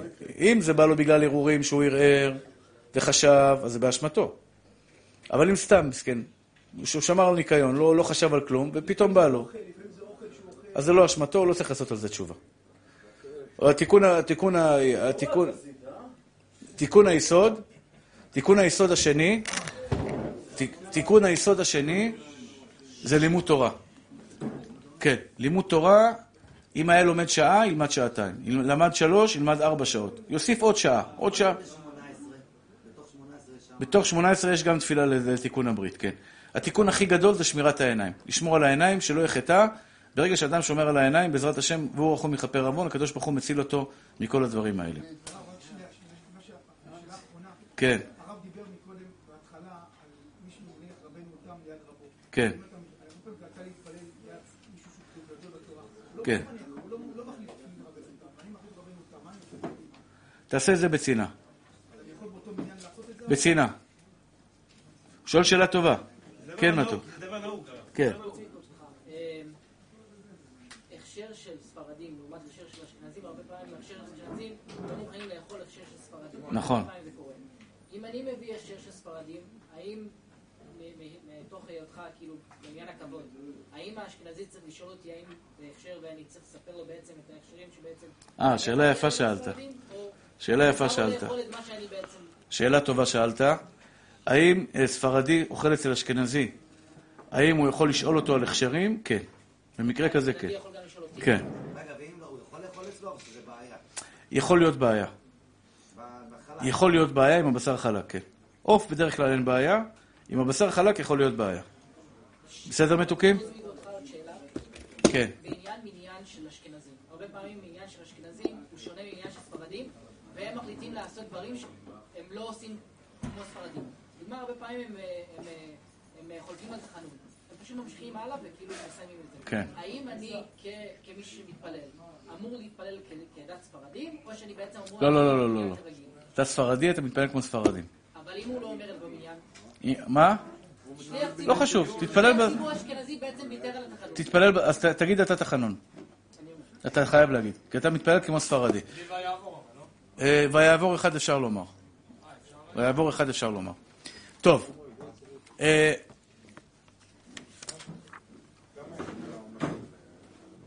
מה? אוקיי, תזכיר לי עוד, עוד כמה דקות. הלכות לשון הרע, רבותיי היקרים. כשם שיש אה, אה, אה, איסור לדבר סרה בתלמידי חכמים, אתם יודעים שיש מצווה לאהוב תלמידי חכמים. יש מצווה מיוחדת, ובוא תדבק. יש מצווה לאהוב תלמידי חכמים. מצווה לאהוב תלמידי חכמים. כשאתה אוהב, כשאתה אוהב תלמיד חכם, אתה מרגיש בלב שלך אהבה לתלמיד חכם, אתה מקיים בזה, חוץ מ"ואהבת לרעך כמוך", עוד מצווה, שאתה אוהב את התורה הקדושה. כן, כן. אז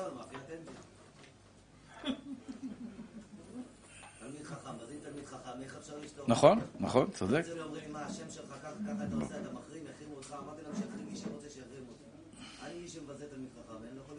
כל הכבוד. זה בדיוק הנקודה שרציתי לומר. אנשים לפעמים שאלו אותי, מבזים תלמיד חכם. לצערי הרב, כבודם של תלמידי חכמים אה, ירד פלאים, וכתוצאה מזה שהציבור לא מוחה על כבודם של תלמידי חכמים. כשם שאסור לבזות תלמיד חכם, זה ברור לכולם, והמבזה תלמיד חכם אין תרופה למכתו, חס ושלום. אני לא, היום יותר מדי דיברתי על עבירות, אבל אין תרופה למכתו. המבזה תלמיד חכם. מי ששומע ביזיון של תלמיד חכם ולא מוחה, הוא נתפס באותו עוון. חס ושלום, נתפס באותו עוון. לכן, אם בבית הכנסת, חס ושלום, ראית שלצערי הרב שמעתי שיש מקומות כאלה, שהרב, הרב, אה, מישהו, מישהו ככה מדבר לא יפה לרב, או באמצע ההרצאה, כל מיני, שואל אותו, פוגע בו באיזושהי צורה, לא משנה. מי שלא מוחה, הוא נתפס באותו עוון. חייבים למחות על כבודו של רב, של תלמיד חכם. ברוך השם, אני לא מדבר אצלנו, אצלנו זה לא קורה, אבל יש מקומות שלפעמים... אפילו לא רב, תלמיד חכם גם תלמיד ישיבה, נכון? כן, ודאי. כבוד התורה, כבוד התורה. אם אתה שומע עכשיו מישהו שמבזה תלמיד חכם, מדבר סערה בתלמיד חכם, אתה חייב למחות בו. גם אם זה אבא? אה, גם באבא, אבל באבא אתה צריך יותר זהירות, לעשות את זה בצורה מאוד חכמה. אם הוא עושה את זה בפרהסיה, אתה מתכוון? אם הוא עושה בפרהסיה ועכשיו אתה בא נגדו, אתה חייב למחות בו בפרהסיה. גם בהלבנת פנים, אתה לא חייב להלבין פנים. אתה צריך להגיד לו, מה שאתה אומר עכשיו זה איסור חמור, אתה מדבר על תלמיד חכם, ואתה, וזה איסור חמור מה שאתה עושה. להוכיח את האבא. אמרתי, בזהירות יותר.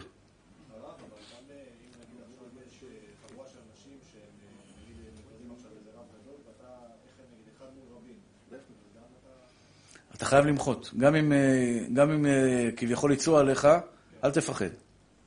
אל תפחד. כאילו. עדיין, הם צריכים לדעת, הם צריכים לדעת שמה שהם עושים זה לא בסדר. עוד פעם, אם אתה יוצא מהם, יכול להיות שהם יגידו, הנה, גם הוא אפילו היה שם ושתק. אתה מבין? הם מסכימים איתו. תגיד אני מוחה, אתה לא חייב עכשיו ללכת להילחם איתם מלחמת עולם. תגיד אני מוחה ואני לא איתכם ולא כן, בצד אבל אז. הם מושכים אותך לשיחות אחרות, ו... לא, לא. בעיה שאנשים לא יודעים להתמודד עם, אה, עם דיבור כזה וכזה. כן, אני מבין אותך. אתה מבין? אתה אומר משהו נכון, כן. ואם זה הבוס שלך, ואם זה זה, זה הרבה, יש פה הרבה דברים. כן, אני באמת לא מקנא במי שנמצא בסביבה כזאת של אנשים שהם לא כל כך דתיים, שהרבה פעמים הם בעצם אה, מושכים אותך לכל מיני שיחות כאלה. אה, אם אתה יכול למחות, כתוב רבי אליעזר, רבי אליעזר, אה, היו לו הרבה שונאים. בנו של רבי שמעון בר יוחאי, היו לו הרבה שונאים. למה? מה התפקיד שלו מה- מהממשלה? מה היה לו תפקיד? אתם יודעים? רבי אליעזר, בנו של רבי שמעון בר יוחאי. לא, הוא היה הורג את כל הפושעים בישראל. כל העבריינים, רבי אליעזר היה בא, תופס אותו, הורג אותו. מוציא להורג מטעם הזה. כתוצאה מכך הרבה שנאו אותו. הרבה שנאו אותו. לפני פטירתו, באה אליו אשתו, אמרת לו, טוב, אתה היית ג'בר, אתה היית גיבור, לא רואה אף אחד ממטר, מה שנקרא. אבל משאיר, הוא, הוא משאיר את אשתו לבד. ועכשיו אשתו נגד כל השונאים, יהרגו אותה, יעשו לה, חס ושלום, יציקו לה, ירעו לה. אמר לה, אל תודיעי לאף אחד שהוא נפטר, שלא תודיע שהוא נפטר, שימי אותו בעליית הגג, והוא, כל, כל פעם שיבוא מישהו לשאול שאלה מהרב, יעמוד פה בכניסה, ישאל את השאלה, אני אענה לו מלמעלה. תניחי אותו בעליית הגג, והוא יענה לו מלמעלה. ככה עשה. כל פעם היה מישהו בא, דין תורה, ל... איפה, איפה רבי אליעזר? הוא אומר, ישן למעלה, הוא למעלה. יש לנו דין תורה, בכבוד, תעמדו פה, תציגו את הדברים, הוא יענה לכם מלמעלה. וככה אף אחד לא ידע שהוא מת. וכל פעם הייתה באה אליו, מסרקת אותו, מנקה אותו, היה נשאר מת, אבל כמו חי. יום אחד הראתה תולעת יוצאת לו מהאוזן. היא מסכנה, נבהלה, חושבת שהוא מתחיל לרק- ל- להירקב, להרכיב. בא אליה בחלום, אמר לה, אל תדאגי ביתי. הכל בסדר. רק בגלל שפעם אחת הוא שמע ביזיון של תלמיד חכם, דרך האוזן שלו, ולא מחה על כבודו של תלמיד חכם, נענש בזה שתולעת נכנסה לו בתוך האוזן. זאת אומרת, מפה למדנו, קודם כל גדולתו של רבי אליעזר, בנו של רבי שמעון, אבל למדנו גם כן כמה, כמה חמור בעיני השם יתברך, שאדם חס ושלום שומע ביזיון של תלמידי חכמים ולא מוחה. צריך למחות כדי ש, שיזהרו אנשים בכבודם של תלמידי חכמים. אומר חובת הלבבות, שער הביטחון.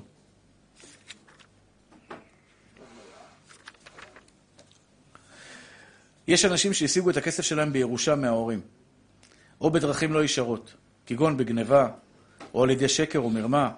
הם חושבים בליבם שיש להם הרבה כסף בגלל הירושה.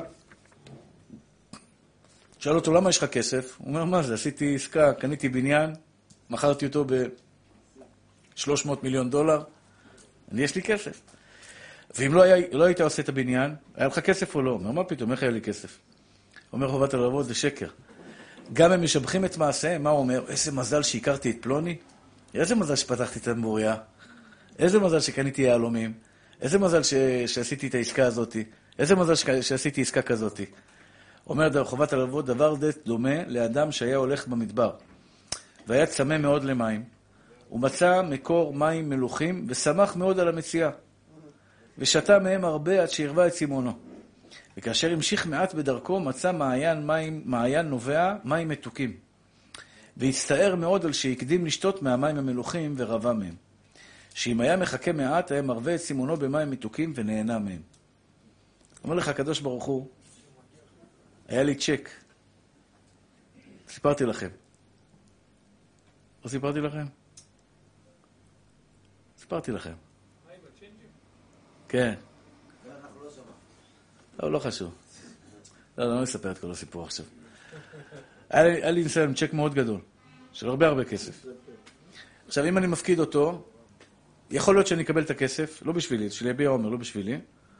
יכול להיות שאני מקבל את הכסף, אבל יש סיכון שבן אדם שיפקיד את הצ'ק, יסתבך, FBI.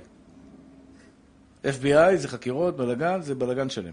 FBI זה לא פה שוטר, אזולאי, חמוד כזה, בא, הולך, אהלן, נשמה, מה העניינים?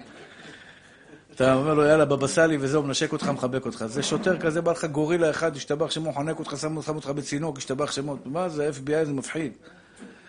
זאת אומרת, היה פה בעצם סיכון, או שאני מרוויח פה חבילה גדולה, או שחס ושלום בן אדם שמפקיד את הצ'ק מסתבך מ-FBI. לקחתי את הצ'ק, החזרתי אותו חזרה לבן אדם, לא רוצה לא טובות ולא שום דבר.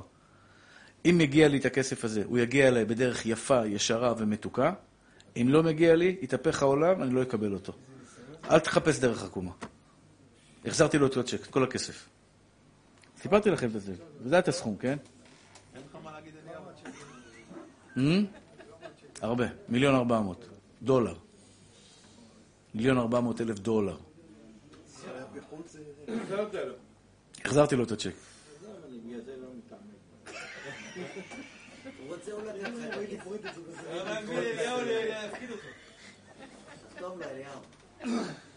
זה מה שאומר חובת הלבבות. אם מגיע לך כסף בדרך ישרה, תקבל אותו בדרך ישרה. אם לא מגיע לך, אל תקבל את זה גם בדרך עקומה. הייתי מלא כאלה בעקום והצליח. ככה הכרתי את הרב בנימין, רבנו, לפני עשרים שנה. זה הדרך, ממי. זה הדרך. אל תחפש דרך עקומה. אני אסבך את הבחור שלי באמריקה, שאולי יבואו לו חקירה של FBI.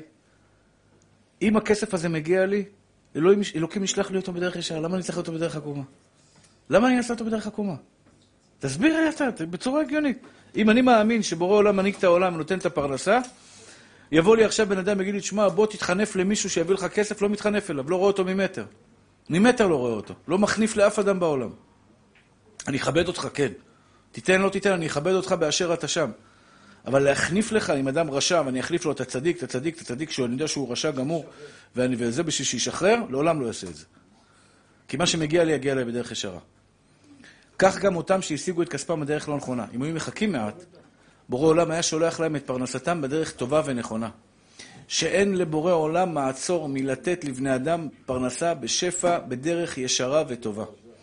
לכן תמיד, תמיד, תמיד, הבוטח בהשם לעולם לא מחפש ימינה-שמאלה. הוא מחפש את הדרך הכי נקייה בעולם, כי הוא יודע שבורא עולם ישלח לך את זה בדרך הכי נקייה. ותאמינו לי, אחים יקרים שלי. אנשים, מישהו אמר לי, בטיקטוק פרסמו, זה מישהו מפרסם עליי שאני עשיר גדול, לא לתרום, כן לתרום. שמעתם על זה? לא יודע. ברוך השם. אה, אה, אה? אבל זה לא רק עליך רבנו, יש הרי סיפורים הזויים ב... כן. משועממים לחלוטין. תאמין לי, אני נלחם, נלחם על כל דולר. מה זה נלחם? בהשתדלות, רק ביטחון בהשם. רק ביטחון בהשם. סומך? תאמין לי, אני אומר לך את האמת. אני הייתי עכשיו באמריקה. אנשים חושבים שאני נוסע לאמריקה לאסוף כסף. זה לא נכון. אני הולך לשיעורים. תשאל את מי שמלווה אותי, אם אני הולך לאסוף כסף. פגשתי שם עשירים, עשירי טבע, לא התפגשתי עם שקל על דולר. אני לא הולך לתת להרצאות. אני בסוף ההרצאה אומר, מי שרוצה לתרום, מוכר להם מזוזה, מי שרוצה לקנות מזוזה, שתי דקות. גם לא מאה מילים.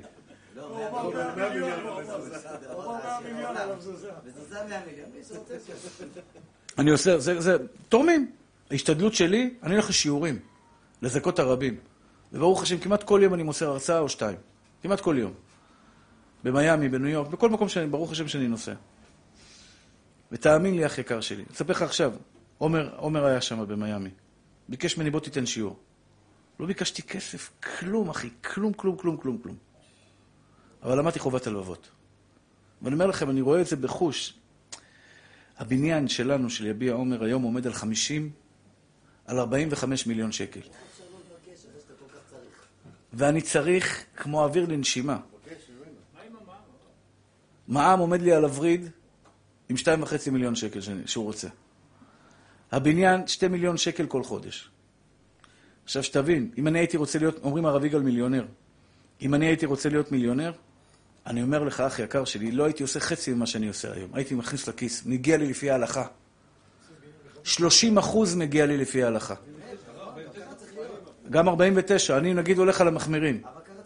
30 אחוז מגיע לי לפי ההלכה, ותאמין לי, אח יקר שלי, 45 מיליון שקל הבניין הזה עלה, ויש לנו אוכל, אנחנו מחלקה עם 200 איש, מחלקים לנזקקים. יש לי 120 אברכים לומדים בכולל, כל חודש 2 מיליון שקל. אם הייתי רק קצת רוצה להיות עשיר, והחתן שלי אומר, הרב, בוא תקנה לנו בית.